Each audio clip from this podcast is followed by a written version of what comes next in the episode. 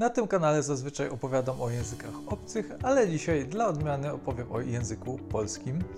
Opowiem o tym, e, czy rzeczywiście jest jednym e, z najtrudniejszych języków e, na świecie, co dokładnie sprawia w nim trudności i czy są jakieś elementy tego języka, które można uznać za łatwe.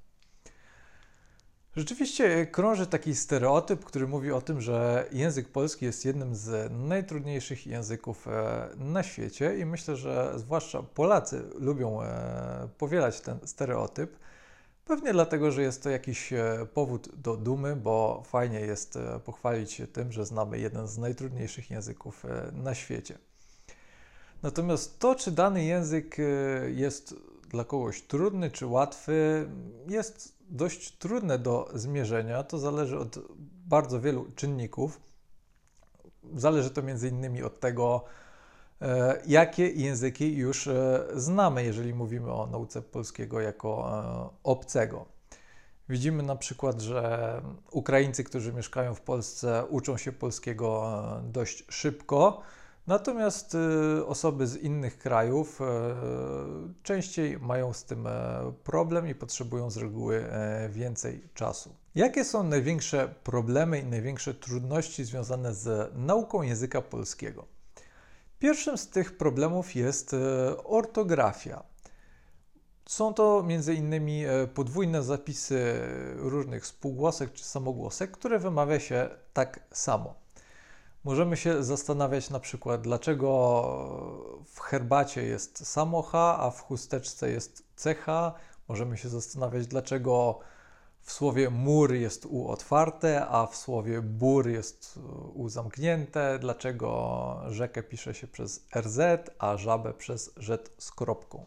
Wszystkie te pary wymawia się tak samo, natomiast ich pisownia e, się różni.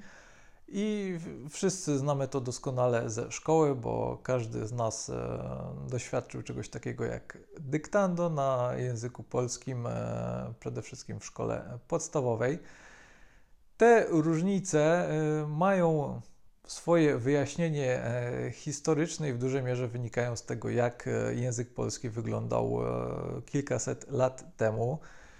Dla przykładu e, różnicę pomiędzy CH i samym H można wytłumaczyć w ten sposób, że kiedyś e, te dźwięki wymawiało się w inny sposób i CH było bezdźwięczne, tak jak jest e, dzisiaj, natomiast samo H było wymawiane jako dźwięczne i kiedyś można było nawet usłyszeć różnicę w wymowie, natomiast dzisiaj tej różnicy nie ma i to rozróżnienie na CH i samo H może się rzeczywiście wydawać e, bez sensu.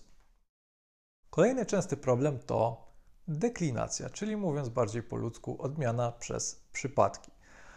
W języku polskim mamy tych e, przypadków 7, co nie jest ani małą, ani dużą liczbą. Jest e, to taki standard, jeśli chodzi o, o te języki, w których przypadki występują. Są takie języki, w których e, tych przypadków jest e, kilkanaście czy nawet kilkadziesiąt, ale są też takie, w których e, jest ich mniej. I tak naprawdę tych przypadków trzeba nauczyć się pięciu, no bo mianownik znamy zawsze, jest to taka podstawowa forma, którą poznajemy w pierwszej kolejności. No i jest też e, wołacz, który jest raczej e, rzadko stosowany i rzadko się przydaje, więc z punktu widzenia osoby, która uczy się języka polskiego jako obcego, można powiedzieć, że trzeba zapamiętać pięć dodatkowych form. I każdy przypadek może mieć kilka końcówek, mm, w zależności na przykład od rodzaju gramatycznego.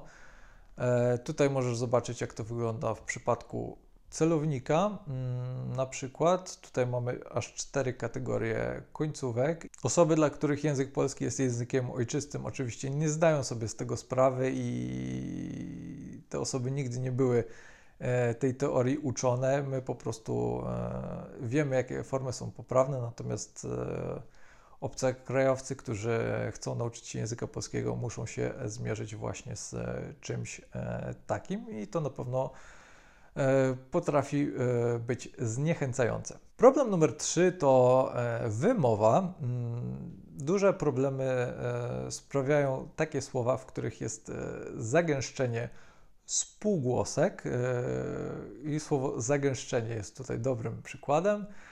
E, Istnieją e, słynne łamańce językowe typu w Szczebrzeszynie chrząszcz brzmi w trzcinie i tak dalej. E, bardzo często w takich sytuacjach obcokrajowcy dodają samogłoski pomiędzy tymi spółgłoskami po to, żeby ułatwić sobie wymowę, bo takie nagromadzenie spółgłosek to nie jest coś, do czego są przyzwyczajeni. Jakimś problemem e, mogą być pewnie samogłoski nosowe, które występują raczej w niewielu językach, e, w takich jak na przykład francuski czy portugalski. Innymi dźwiękami, które mogą sprawiać problemy są si, ci, zi i tym podobne. Problem numer cztery to słownictwo, ale to oczywiście zależy od e, pochodzenia osoby, która uczy się języka polskiego. E, Między językiem polskim i tymi najpopularniejszymi językami, takimi jak angielski, hiszpański czy francuski, jest e, raczej mało podobieństw, jeśli chodzi o słownictwo. Język polski należy do takiej grupy językowej, która nie jest na pewno najliczniejsza, jeśli chodzi o liczbę osób, które tym językiem się posługują. Mówię tutaj oczywiście o językach słowiańskich, e, natomiast istnieją e, inne grupy językowe, które są zdecydowanie e, popularniejsze i tutaj mam na myśli zarówno native speakerów, jak i osoby, które się tych języków uczą. Są to m.in. języki germańskie lub romańskie.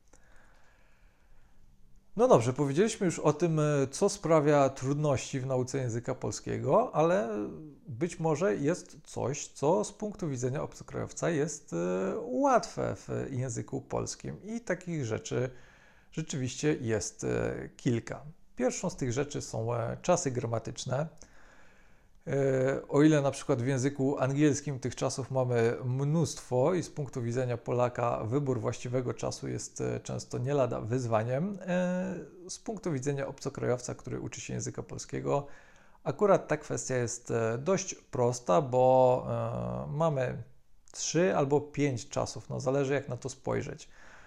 Mamy jeden czas przeszły, jeden czas teraźniejszy i jeden przyszły, z tym, że jeśli chodzi o czas przeszły i przyszły, mamy tutaj e, dwa aspekty, dokonany i e, niedokonany. Więc e, zależy jak na to spojrzymy, natomiast w porównaniu z innymi językami tych czasów jest naprawdę niewiele. Kolejne ułatwienie to brak rodzajników, chociaż e, dla wielu osób, e, które uczą się języka polskiego jako obcego, nie byłoby to wielkim problemem, bo w większości e, tych najpopularniejszych języków e, coś takiego jak rodzajnik e, występuje. Kolejne ułatwienie to to, że w języku polskim e, nie ma sztywnej kolejności słów w zdaniu, między innymi dzięki e, deklinacji Niektóre słowa mają e, określone końcówki i dzięki temu wiemy, jaką rolę dane słowo pełni w zdaniu, niezależnie od tego, w jakim miejscu się znajduje. Mm, W przeciwieństwie na przykład do e, języka angielskiego, tam e, poszczególne elementy w zdaniu muszą występować w określonej kolejności. Dla przykładu możemy wziąć jakieś proste zdanie typu Mark eats chicken. Tutaj musimy zachować kolejność słów, e, żeby zachować znaczenie tego zdania. Nie możemy odwrócić kolejności. Natomiast w analogicznym zdaniu po polsku możemy powiedzieć Marek i kurczaka, ale możemy też zamienić kolejność i powiedzieć kurczaka je Marek i znaczenie mamy takie samo. I rola kurczaka w tym zdaniu się nie zmienia, bo e, na podstawie tej końcówki A jesteśmy w stanie wywnioskować, że ten kurczak jest dopełnieniem i że to kurczak jest jedzony, a nie odwrotnie. Więc e, na pewno jest to jakieś e, ułatwienie. I kolejna łatwa rzecz to e, brak niemych liter, czyli z reguły czytamy tak, jak e, piszemy. I dane połączenia liter e, czyta się e, zawsze tak samo. Tutaj nie ma jakichś e, specjalnych e, wyjątków. Jeżeli dane połączenie liter w jednym słowie czytamy w określony sposób, to w innym słowie takie samo połączenie liter przeczytamy w ten sam sposób.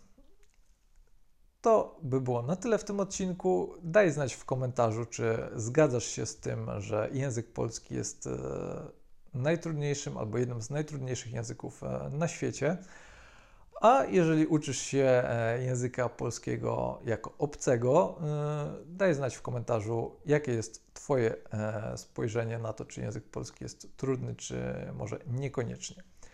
I tradycyjnie zachęcam Cię do subskrybowania tego kanału, bo regularnie publikuję tutaj wartościowe porady dla osób, które uczą się języków obcych. Do zobaczenia w kolejnym odcinku.